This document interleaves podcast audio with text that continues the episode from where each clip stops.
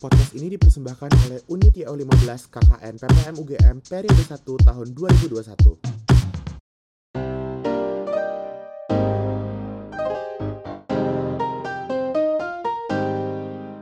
Halo semuanya, selamat datang di podcast Critical Thinking yang dipersembahkan oleh Unit YO 15 KKN PPM UGM periode 1 tahun 2021 bekerja sama dengan SMA 2 Wonosari.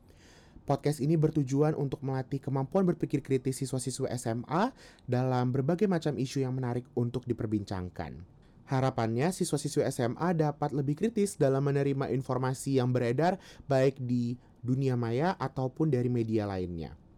Nama saya Noel, saya mahasiswa jurusan Ilmu Hubungan Internasional Fakultas Ilmu Sosial dan Ilmu Politik Universitas Gajah Mada.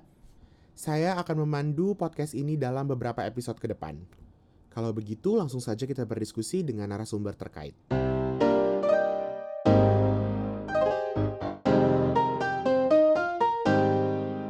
Nah, sekarang saya sudah bersama Clarita dari Fakultas Kehutanan Universitas Gajah Mada. Halo Clarita. Halo, Apa kabar? Sehat? sehat banget. Nah, sekarang kita akan bahas beberapa isu tentang kehutanan nih. Nah, yang pertama mungkin yang paling sering dulu kali ya. Kita Oke, ngomongin apa soal tuh? pemanasan global kali. Mm-mm. Nah, kalau menurut kamu, kalau ada yang bilang global warming itu hoax, gimana sih pendapatmu? Hmm, yang bilang global warming itu hoax, eh, apakah dia nggak pernah lihat TV atau Iya, baca-baca sebenarnya. berita? Ya nggak? Karena kalau misalnya kita lihat nih sekarang, kita tahu banget bahwa bencana di awal tahun 2021 dari Januari hingga April ini udah sebanyak apa. Dan itu eh, jadi jawaban aku dari pertanyaan kamu tadi sih tentang global warming, pemanasan global yang emang semakin hari semakin bertambah gitu. Dan soalnya bencana alamnya juga bencana alam yang karena pemanasan global ya, seperti kayak banjir atau perubahan iklim gitu. Bener banget. Berarti dari dari... bukti itu aja harusnya udah nggak ada lagi yang nanyain itu hoax atau enggak gitu ya. Mm, yaps. Nah kalau misalnya ada pendapat orang yang bilang kita tuh nggak perlu sebenarnya uh, mengurangi pengguna pembuangan sampah secara tidak pada tempatnya atau misalkan kita tidak perlu peduli sama alam yang rusak karena alam itu bisa meregenerasi dirinya sendiri gitu itu benar nggak sih? Alam, kalau tentang statement alam bisa meregenerasi dirinya sendiri itu benar karena pada dasarnya alam itu punya kekuatan untuk self recovery. Tapi eh, itu dalam kondisi manusianya nggak berulah. Oh, oke. Coba deh kalau kita lihat sekarang yang membuat eh, banyaknya bencana alam atau peristiwa-peristiwa yang mengarah ke pemicu pemanasan global itu sebenarnya dari manusianya sendiri iya betul. betul. yang membuat alam tidak punya kekuatan untuk meregenerasi dirinya sendiri Oke. gitu. Sebenarnya bisa sih dengan berbagai cara alam itu meregenerasi dirinya. Tapi manusianya juga harus suportif sama alam. Jadi kita harus melihat alam sama manusia itu satu partner. Betul, Nggak betul. bisa alam itu dianggap sebagai benda mati yang kita cuma tinggal di situ sebagai rumah yang yang kita cuma nempatin aja sebenarnya mereka itu alam ini pun juga partner yang harus eh, mereka butuh bantuan kita gitu untuk bisa menyembuhkan dirinya Berarti karena kondisinya adalah kita sudah ikut mencemari lingkungan, nggak bisa lagi kita cuma mengandalkan alam untuk meregenerasi dirinya sendiri gitu ya. Iya, Harus kita banget. bantu juga untuk mengkompensasi apa yang kita rusak dari alam gitu. Mm-mm, benar. Nah kalau misalnya ada yang bilang kayak kan banyak nih negara-negara sekarang tuh em, yang masih merusak lingkungannya mereka, kayak misalkan em, mereka memperbolehkan penebangan hutan atau mungkin eh, peraturannya tidak ketat gitu untuk menjaga lingkungan. Dan mereka beranggapan bahwa ya kalau misalnya kita merusak alam di suatu negara ya yang hanya kena dampaknya orang-orang di negara itu. Jadi nggak apa-apa gitu. Nggak akan berdampak secara global. Nah itu sebenarnya benar nggak sih? kalau kita bilang secara internasional atau dunia secara keseluruhan peraturan untuk menjaga hutan me- mencegah penebangan liar terus melindungi hutan itu sebenarnya udah kompak sih. Jadi nggak ada negara yang eh, membebaskan masyarakatnya untuk menebang hutan tanpa perhitungan tapi eh, ada beberapa negara yang memang diperketat karena si negara ini punya eh, luas hutan yang lebih besar dari negara-negara yang lain. Salah satunya ya Indonesia, Brasil. Jadi memang eh, diperketat banget nih penggunaan lahannya juga nggak boleh sembarangan masyarakat masyarakatnya juga dan uh, semua ini kalau misalnya kita bicara tentang negara-negara atmosfer ini kan gak, gak punya mata yang nggak punya batas. Ini atmosfer Indonesia kalau secara terestrial mungkin iya. Tapi atmosfer kalau misalnya kita bicara tentang hutan terus iklim itu nggak bisa melihat ini atmosfer Indonesia ini iklim Indonesia nggak bisa.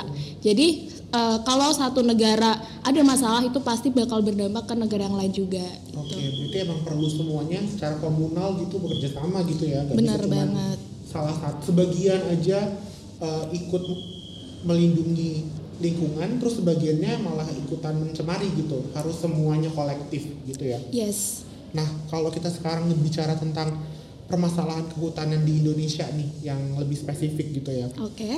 Kayak misalkan isu deforestasi deh di Indonesia. Sebenarnya isu deforestasi di Indonesia ini apakah masih dalam tahap wajar atau memang sudah mengkhawatirkan? deforestasi wajar atau enggak?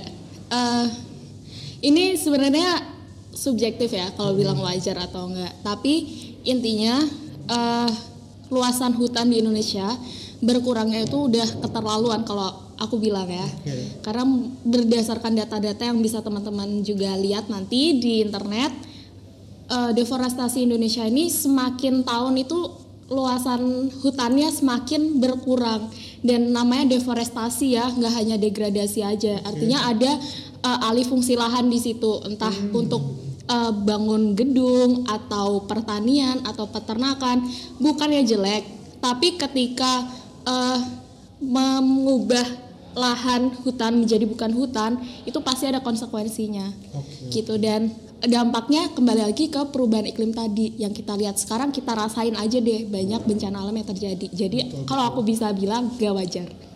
Oke. okay kalau misalnya deforestasi itu sendiri, apakah menurut ini menurut pendapat pribadi ya? Oke. Okay. Apakah itu salahnya ada di regulasinya yang kurang atau dari kesadaran masyarakatnya yang kurang? Kayak misalkan mungkin masyarakatnya mau buka lahan, tapi karena masyarakatnya tidak punya uh, pengetahuan cukup mungkin tentang lingkungan, akhirnya mereka daripada membuka dengan cara yang uh, aman untuk lingkungan mereka tinggal membakar lahan aja gitu biar cepat dan mereka bisa langsung membuka lahan gitu. Itu sebenarnya dari lebih ke regulasinya kurang atau masyarakatnya yang masih kurang edukasinya?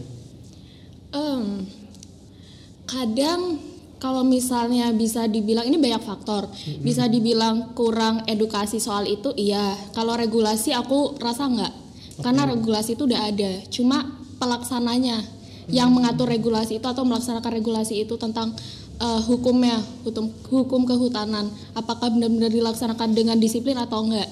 Dan yang kedua adalah sebenarnya masyarakat itu banyak kayak udah sadar, edukasi hmm. udah teredukasi, tapi mereka lagi-lagi menutup mata seolah-olah mereka nggak tahu. Oh, okay, okay. Sorry itu saya, mohon maaf banget. Uh, kalau misalnya banyak kita lihat bahkan justru uh, lahan-lahan kehutanan itu dipakai untuk proyek-proyek besar.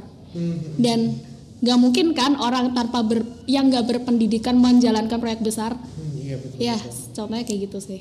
Oke berarti regulasi sebenarnya sudah cukup cuman dari implementasi dan dari kesadaran masyarakatnya juga yang masih kurang gitu ya? Iya. Oke oke.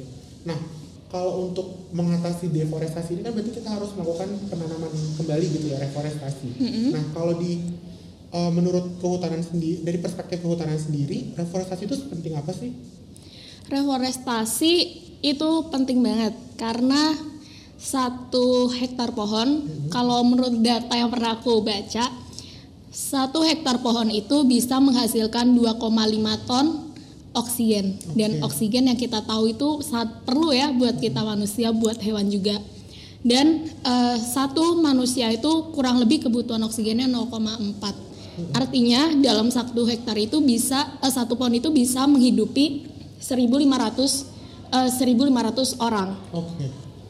Untuk oksigennya. Hmm. Di lain itu kalau misalnya kita bicara reforestasi itu artinya menumbuhkan hutan.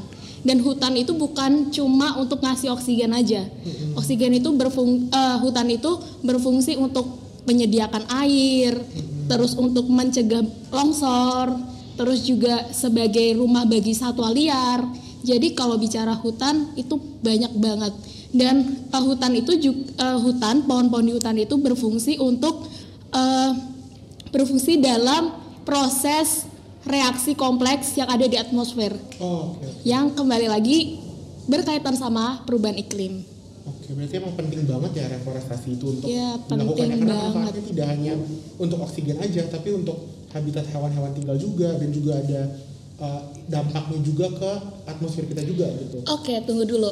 Aku ada tambahan poin nih. Mm-mm. Karena hutan itu juga menjadi tempat eh, untuk produksi hasil non hutan. Oh iya betul. Hasil oh sorry, hasil hutan non kayu. Oh iya. Jadi jangan dianggap hutan tuh cuma bisa menghasilkan kayu. Mm-mm. Karena dari hutan juga bisa menghasilkan eh, madu, terus sutra dan banyak lagi. Jadi dengan hutan kita itu juga bisa merasakan manfaat secara ekologis dan ekonomis juga. Betul betul. Berarti memang harus dijaga supaya hutannya itu juga bisa menghasilkan banyak manfaat lain ya selain manfaat untuk makhluk hidup juga gitu bisa ber- berdampak ke ekonomi juga Iya. pada akhirnya. Benar. Nah, kalau misalnya seperti isu kelapa sawit nih perkebunan kelapa sawit di Indonesia kan Mhm. banyak nih uh, lagi lumayan gencar juga karena banyak dikritis dikritisi oleh negara-negara luar seperti negara-negara di Eropa katanya sih uh, perkebunan kelapa sawit Indonesia itu tidak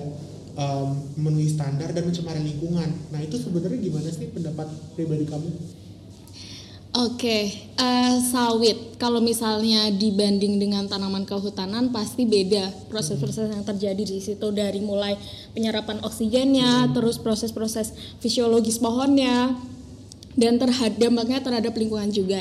Dan yang paling menjadi masalah adalah karena tanaman salif, sawit ini mulai menginvasi lahan kehutanan. Oh oke. oke. Jadi sebenarnya sawit itu nggak apa-apa, asal janganlah sawit ini sampai menghabiskan lahan hutan. Dan itu yang sebenarnya paling bermasalah di situ, Oke oke. mengorbankan hutan untuk mengonversi ke lahan sawit dengan alasan sawit memiliki nilai ekonomis yang lebih tinggi. Hmm. Ya boleh, tapi intinya jangan berlebihan itu. Dan memang ada beberapa teori kalau misalnya kita bilang sawit nggak ramah lingkungan di ekologisnya untuk tanahnya. eh, aku pernah mendengar, eh, pernah belajar juga sawit itu memang menyerap kebutuhan air yang sangat banyak. Jadi ketika dia disandingkan dengan spesies lain itu bakal apa ya eh, persaingan antara kedua spesies itu jadi nggak seimbang karena sawit ini menangan lah gitu. Oke oke. Berarti kembali lagi tadi isunya adalah ke deforestasinya ya, karena diubah fungsi hutannya menjadi uh, lahan sawit itu sendiri yang akhirnya Iya. malah jadinya mengganggu keseimbangan ekosistem gitu. Oke. Nah kalau misalnya isu perdagangan liar nih, hewan liar gimana nih di uh, hutan Indonesia kan banyak nih kita tahu ya satwa-satwanya dan banyak banget satwa-satwa dari uh, hewan-hewan di Indonesia itu yang diperdagangkan secara ilegal mungkin bahkan itu gimana? Wah, ini sedih banget sih karena karena eh, satwa itu emang mempunyai nilai ekonomis yang tinggi. Kalau misalnya kita tahu nih kulit eh, jaket kulit dari kulit ular atau pajangan-pajangan aja deh kepala banteng atau kepala eh, cula badak atau apa itu kan pasti kalau misalnya kamu main ke rumah orang yang punya pajangan itu pasti kayak wow orang ini pasti kaya dan kadang itulah yang menjadi eh, penyebab perdagangan satwa liar itu eh, semakin masif karena dijadikan apa ya sebagai tolak ukur tingkat eh, kesejahteraan seseorang. Jadi kalau punya ini pasti kaya dan lain sebagainya. Dan juga eh, manfaat yang dimiliki oleh satwa itu. Dan lagi-lagi di sini yang perlu ditekankan kalau perdagangan eh, ilegal itu memang gak boleh banget karena satwa itu juga bagian dari makhluk hidup. Mm-mm. Sekecil apa pun pasti memiliki manfaat. Ketika ada makhluk hidup di bumi, meskipun kita nggak merasakan secara langsung, tapi itu pasti memiliki manfaat sih. Dan ya ini agak kasus yang tersembunyi sebenarnya, karena kita mungkin nggak ngerasain dampaknya Betul, apa. betul. Tapi kalau semakin lama semakin berkurang, pasti nanti suatu suatu saat kita akan ngerasain dampaknya apa. karena akan mengganggu keseimbangan ekosistem lagi gitu ya balik lagi ke situ Iya, oke benar. oke. nah sekarang kita ganti uh, topik nih ngebahas soal produk hasil pertanian juga selain kita tadi udah ngomongin kehutanan ya Oke. nah sekarang kan banyak pendapat uh, di Indonesia sih terutama banyak orang yang berpendapat bahwa kualitas produk buah kita Mm -mm. itu kalah saing sama produk impor. Nah itu pendapatnya Kalita sendiri gimana? Kalau ini eh pendapat aku pribadi karena aku udah pernah belajar dan sebenarnya stigma itu berasal dari eh, kata-kata luar negerinya. Mm-mm. Karena produk eh, buah itu dari luar negeri, maka dianggap sebagai eh, barang yang lebih mahal, yang lebih bagus, yang lebih wow gitu. Apel Fuji Australia misalnya.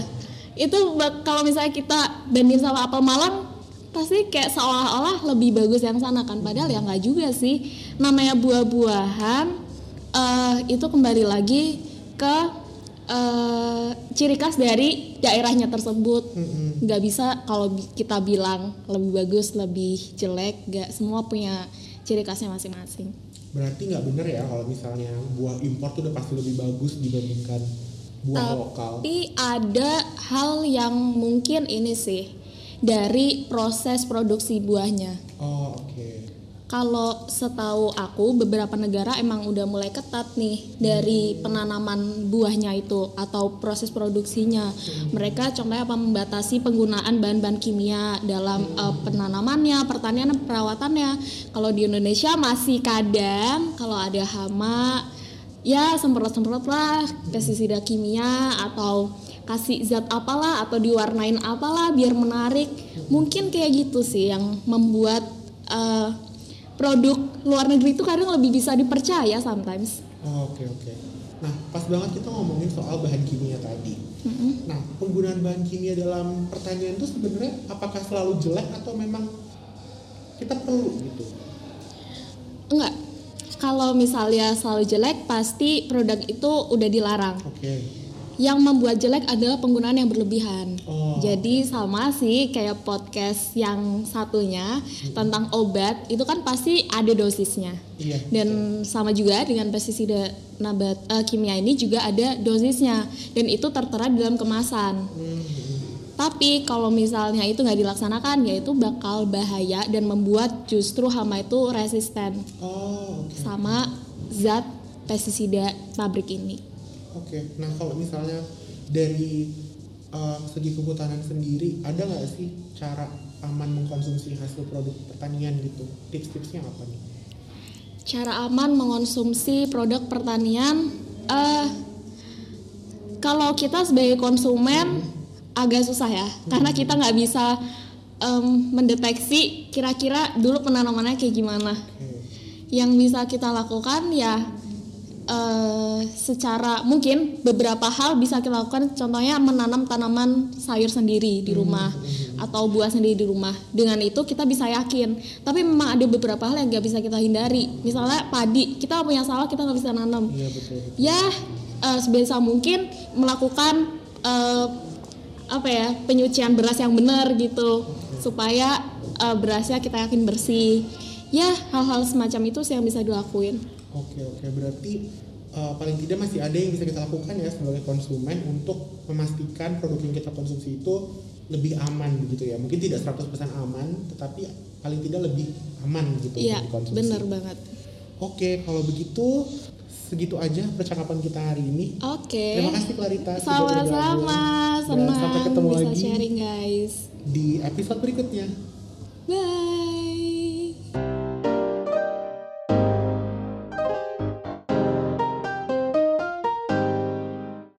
Kamu sudah sampai di akhir podcast untuk episode kali ini. Jangan lupa cek episode lainnya ya.